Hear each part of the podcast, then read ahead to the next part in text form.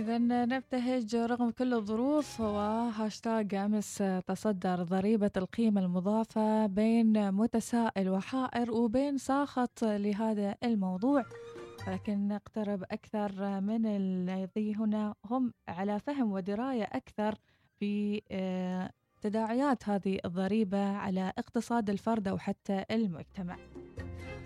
معنا الأستاذ خلفان الطوقي كاتب في الشؤون الاقتصادية وصباح الخير أستاذ.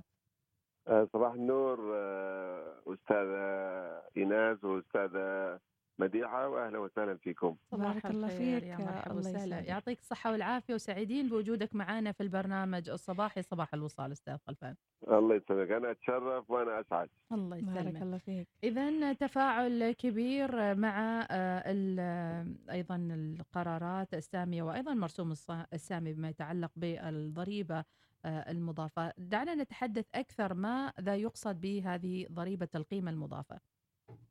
آه، أولا أشكر آه، الوصال أنها تهتم بهذه المواضيع وتسلط الضوء على كل ما يلامس آه، المجتمع والمواطن. آه، بالنسبة للضريبة ضريبة القيمة المضافة هي ضريبة آه، تفرض على كل الخدمات آه، والسلع آه، التي يتعامل الموجودة في البلد يعني. آه، لكن طبعا هناك استثناءات والسلع المستثناة حوالي 95 سلعة موجودة وممكن نذكرها في في الحديث. نعم نعم. 95 سلعة مستثناة. ولكن هل هناك فئات آه، مستثناة؟ آه، يعني نحن مختلفين في ال- الدخل ومختلفين أيضا حتى في الرواتب المختلفة. آه، استثناءات فقط للسلع. نعم آه للسلع وللسلع لكنه بالنسبة للآخرين آه هي يسميوها ضريبة آه محايدة أي الجميع آه يساهم في آه في شو اسمه في دفعها. آه أو بأخرى مم. يعني بلا استثناء لأي فئة من الفئات آه بدون آه أي استثناء. آه، لكنه طبعا آه، آه، بالنسبة إذا بغيت نذكر آه، عدد من السلع المستثناة مم. نعم. آه، هي طبعا مثل ما خبرتك حوالي 99 95 سلعة مستثناة ومعفية من آه، من آه، أي رسوم. وهي مشابهة لأي سلعة معفاة من الرسوم الجمركية مثل الخدمات المالية مثل آه، طبعا السلع الغذائية الأساسية آه، الخدمات نقل الركاب توريدات النفط آه، الرعاية الطبية طبعا لأن هي تلامس المواطن. آه، والمقيم والزائر آه، مستلزمات أيضا آه، ذوي آه، الإعاقة والجمعيات الخيرية مم. وتأجير العقارات للأغراض آه، السكنية والأراضي غير المطورة. نعم هذه هذه نبذة وطبعا في فيها تفاصيل أكثر آه، وأكيد راح تنشر في الأيام القادمة. لماذا آه، فرضت هذه الضريبة في هذا الوقت بالذات آه، رغم أننا نمر بجائحة والناس جميعا يمرون ربما بظروف آه، استثنائية سواء كان في الجانب الاقتصادي أو غيره فلماذا فرضت الآن وفي هذا الوقت على وجه التحديد أستاذ خلفان أيوه طبعا هي فرضت لأنه بكل أمانة آه، لازم نكون واقعيين وصريحين. آه، الوضع المالي للسلطنة وضع آه، يعتبر صعب جدا ونمر بتحديات حقيقية.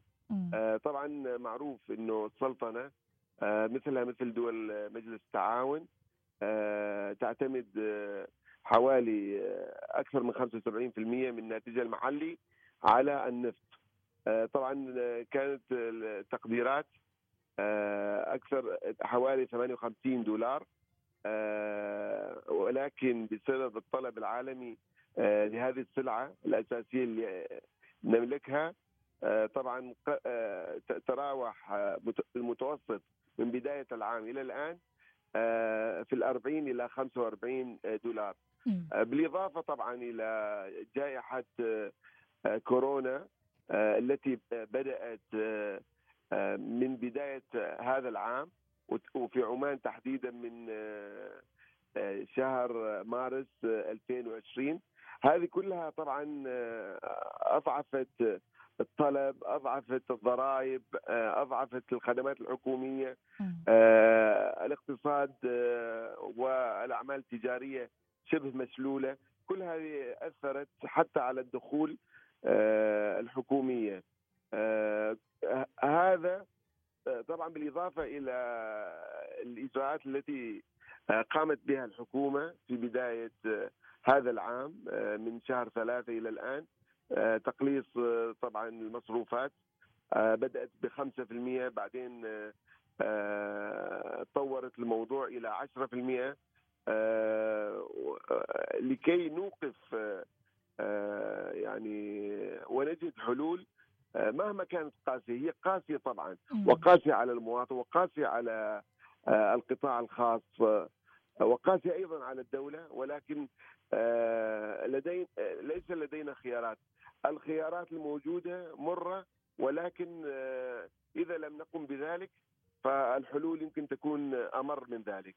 نعم أستاذ خلفان أمس أنت كنت حاضر لبرنامج التوازن الوطني فما هي أهم النقاط اللي تم مناقشتها في هذا البرنامج مع آه، يعني صدور هذا القرار أو هذا المرسوم طبعا هو يعني برنامج التوازن آه، المالي هو برنامج وطني آه، يحاول أن آه، يعني يهيئ آه، لنا ككتاب وإعلاميين آه، يعني الوضع ولكي نحن أيضا نستطيع استيعاب ذلك وننقله أيضا لأكبر شريحة في المجتمع.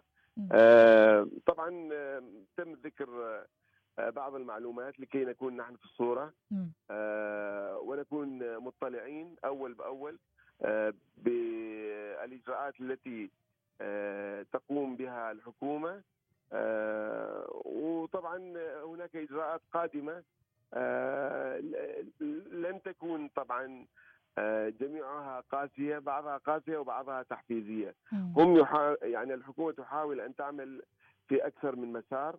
آه، يعني طبعا آه، مثل ما قلت إذا إذا الحكومة أمس أطلعتنا على آه، بعض ال- الأرقام طبعا هذه الأرقام آه، يعني نوعا ما قاسية وبسبب آه، يعني الوضع المالي. آه، أو ال- الأزمات نعم. المتلاحقة اللي صارت آه، طبعا آه، لجأوا إلى هذا الإجراء.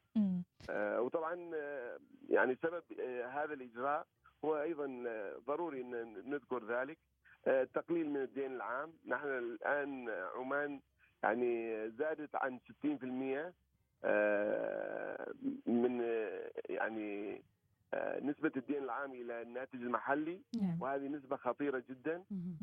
آه، يعني إذا ما لجأنا إلى ه- مثل هذا الإجراء القاسي مم. طبعا نحن يعني سوف نساهم في آه، إضعاف الريال العماني. طبعا إذا ضعف الريال العماني آه، في مساوي كبيرة جدا أكبر من آه، ما هو حاصل الآن. نعم إذا هي سلسلة نحاول أن- م- أن لا مترابطة. نبحث عن نعم.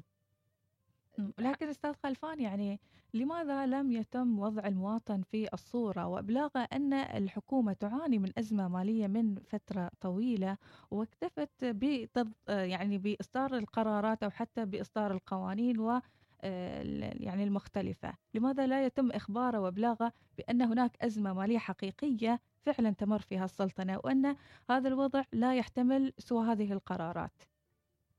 طبعا آه، يمكن الحكومة لها وجهة نظر آه، يعني لا تريد أن تصدم آه، آه، المواطن والمستثمر الداخلي المحلي والخارجي. يمكن أنا أنا لست آه، أمثل الحكومة لذلك الحكومة لديها وجهة نظر. آه، هي إجراءات آه، متدرجة آه، لكي لا تكون هناك صدمات. آه، تؤثر على نفسية آه، المواطن والمقيم نعم. أتوقع ذلك ولكن الحكومة لها وجهة نظر ويمكن يمكنكم التواصل مع آه، يعني آه، أحد في آه، في البرنامج الوطني آه، للتوازن المالي نعم. آه، أو ممكن تتواصلوا مع وزارة الإعلام لماذا سميت هذه الضريبة بضريبة الفقراء وهل هي مرتبطة بالمعاشات أم مرتبطة بالبضائع بشكل عام كون أن البضاعة لها هي, هي اللي تطبق عليها الضريبة 5% ولكن إلى حين وصولها إلى المستهلك يمكن المستهلك هو اللي آه، يتحمل هذه الخمسة بالمئة. أم أنه التاجر يتحملها بمفرده دون يتحملها المواطن أو المستهلك؟ لا هو سوف يتحملها الجميع. آه، يعني اولا التاجر سوف يتحملها أثناء دخولها إذا كانت من خارج السلطنة إلى داخل السلطنة. ومن ثم سوف يتحملها آه، المستهلك آه، سواء كان مواطن أو زائر أو مقيم. وبعد ذلك يسترد يسترد هذه النسبة التاجر آه، آه، آه، لذلك لن تكون أكثر من 5% هناك ما تم تداوله يعني أستاذ خلفان عن العلاقة بين ضريبة ضريبة القيمه المضافة والراتب النقدي وقالوا إنها علاقة عكسية. إذا عندك فكرة أستاذ خلفان ممكن توضح لنا هذا الموضوع؟ لأن قالوا إنه آه، يعني ينتقل الراتب الحقيقي فإذا كانت السلعة زادت بضريبة القيمة المضافة 50 بيسة هذا ال 50 بيسة راح تنخفض من الراتب النقدي مقدار ريال عماني. نعم آه، بالفعل هو آه، لازم نذكر إن هناك آثار سلبية راح تكون في الموضوع. يعني لنكون واقعيين. آه، طبعا هناك أثر اجتماعي مثل ما أنت ذكرتي. آه، يشمل آه، ضعف القوى الشرائية. وإذا ضعفت القوى الشرائية تلقائيا سيتحول ذلك إلى أثر اقتصادي. إذا لم يشتري المستهلك بمبلغ معين يعني يقل الطلب. إذا قل الطلب يعني يقل إنتاج آه، المؤسسة التجارية، إذا قل آه، يعني إنتاج المؤسسة التجارية آه، تقل طبعا الأرباح. وإذا قلت الأرباح تقل الضرائب للحكومة.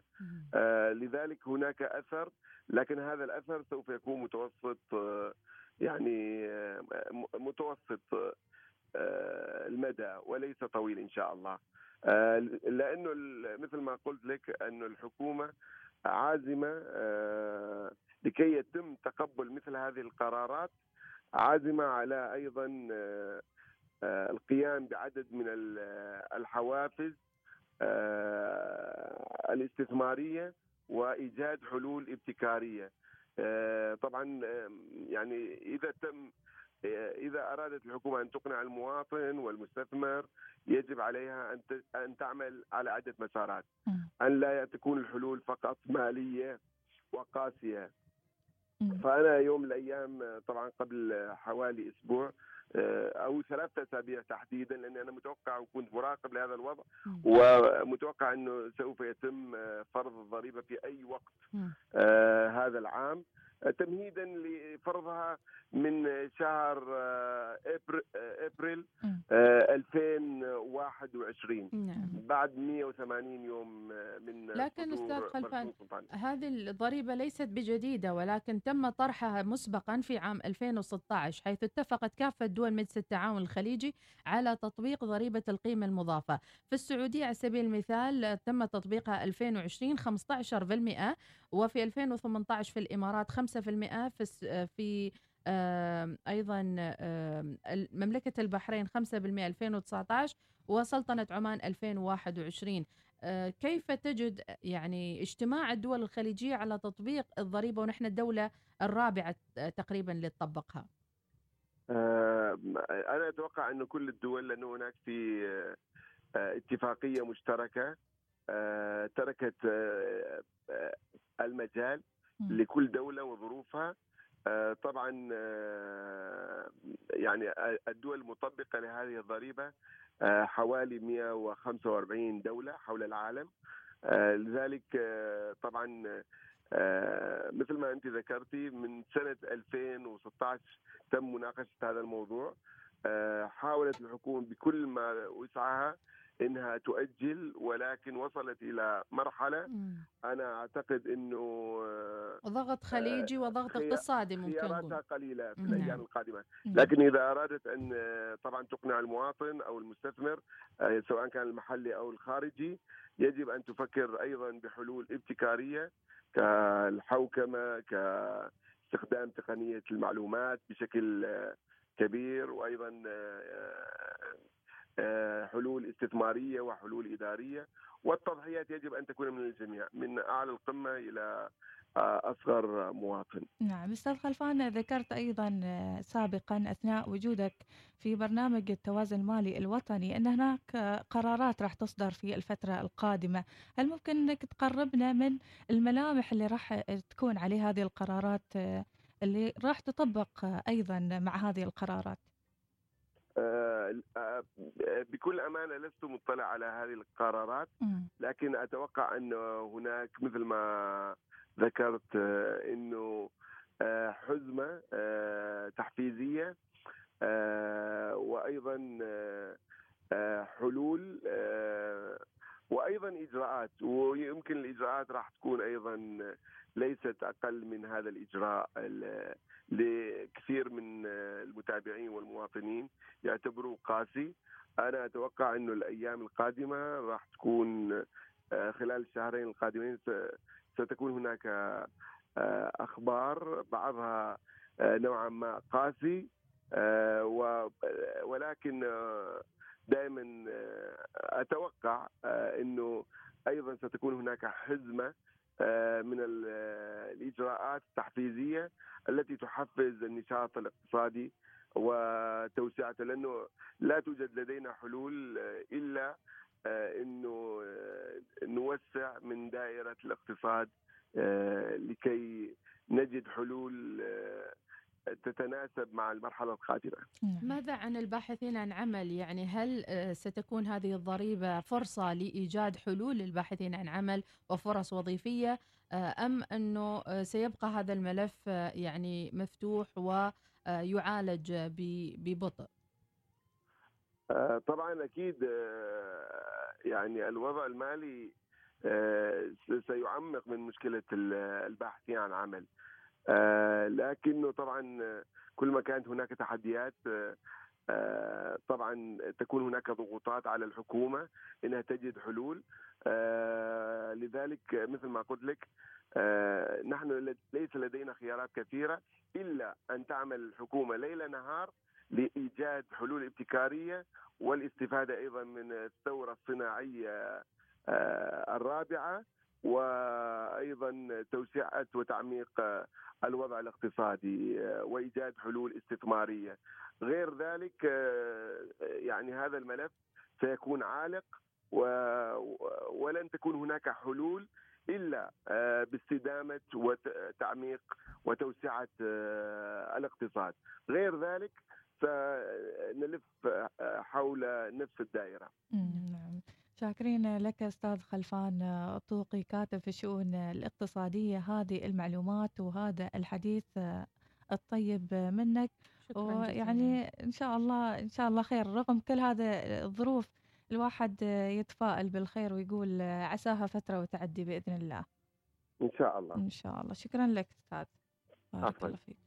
إذا مصلحة الوطن فوق كل اعتبار ضريبة القيمة المضافة مثل ما ذكر أستاذ خلفان الطوقي رغم قسوتها ورغم مرارتها ورغم آه، جميع هذا التفاعل اللي آه، لاحظناه في مواقع التواصل سواء اللي فاهمين أو اللي ما فاهمين الموضوع الضريبة الحكومة آه، حكومتنا أكيد سواء كانت حكومة جلال السلطان طيب الله ثراه أو الحكومة الحالية حاولت قدر الإمكان أنها تبعد عن هذه الضريبة الضريبة من 2016 إلى الآن ولكن يبدو أن الظروف آه، يعني أجبرتهم إلى هذا المسار وبكل تأكيد الحكومة دائما ستقف مع المواطن ويعني ستحاول قدر الإمكان أن تحمي اقتصادنا لأن الدين مثل ما قال الأستاذ خلفان طوقي إذا ارتفع الدين العام أكيد مرتبط بقيمة الريال العماني الريال مرتبط بالدولار وأيضا مرتبط بمبيعات النفط وهو المصدر الوحيد. إذا لا مفر من هذه القرارات وتطبيق هذه الضرائب وأيضا نترقب القادم مثل ما قال الأستاذ خلفان الطوقي في الشهرين المقبلات أو حتى الأيام المقبلة.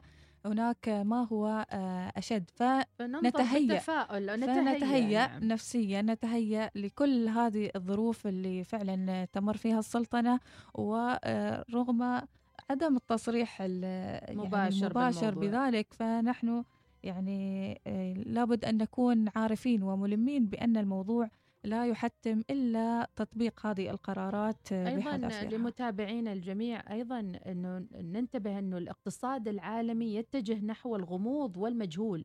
فهذا هو ليس وضع يعني فقط في سلطنتنا ولكن في العالم بأسره. فيعني أكيد ينطبق علينا آه، ما يدور حول العالم. بعض صنف كورونا على أن خسائرها تفوق الحرب العالمية. فلنتخيل هذا الموضوع. كل هذا الكم من المليارات من الناس آه، يعني اللي فقدوا وظائفهم اللي خفضت وظائفهم وإلى آخره الاقتصاد سلسلة متكاملة ونحن لسنا بعيدين عن الاقتصاد العالمي إذا لابد من التركيز بالطرق الابتكارية اللي تحاول نط... آه، تطلعنا من هذا الوضع سواء كان باقتصاد الفرد نفسه كيف يحاول أنه يعني يبني نفسه بنفسه في هذه ويعيد الفترة جدولة المتحدة. نفسه أيضا مم. يعيد جدولة نفسه أو حتى يتجه للمشاريع اللي فيها أمان أكثر من المشاريع اللي آه، تعرقلت في آه، في فترة سابقة مع الوضع الاقتصادي وأيضا الوضع في كورونا. ولينظر كل شخص في موقع عمله ماذا يستطيع أن يبتكر ليخدم هذا الوطن وليقدم لهذا الوطن حتى في مجال الحوكمة ويعني آه، تقنين المصروفات الموجودة في مواقع العمل. أيضا هذا دور أساسي الكل يتحمل هذه المسؤولية وأعان الله حكومتنا الرشيدة وأعانا جميعا على المرحلة القادمة. ما كنا حابين نصبح عليكم بهذه الطريقة هذا ولكن الوضع ضروري يعني أن نوقف عليه. يعني الوضع فارض نفسه وأيضا الحديث فارض نفسه إذا كنا بعيد عن هذا الوضع. فيعني بلاش برنامج. والأهم أنه 95% آه، أو 95 سلعة يعني غير مشمولة بالضريبة وهذا أمر آه، يعني مرحب وجميل أيضا خاصة. أنه هي سلع أساسية وتدخل في النطاق المباشر في الحياة اليومية للمواطن العادي إن شاء الله يا رب العالمين أن الأمور تصبح أحسن ونمر من هذه الجائحة جميعا إلى بر الأمان بإذن الله تعالى نشكر آمين. ضيفنا أيضا اللي آه، يعني وجوده وهذه الإضاءة في البرنامج الصباحي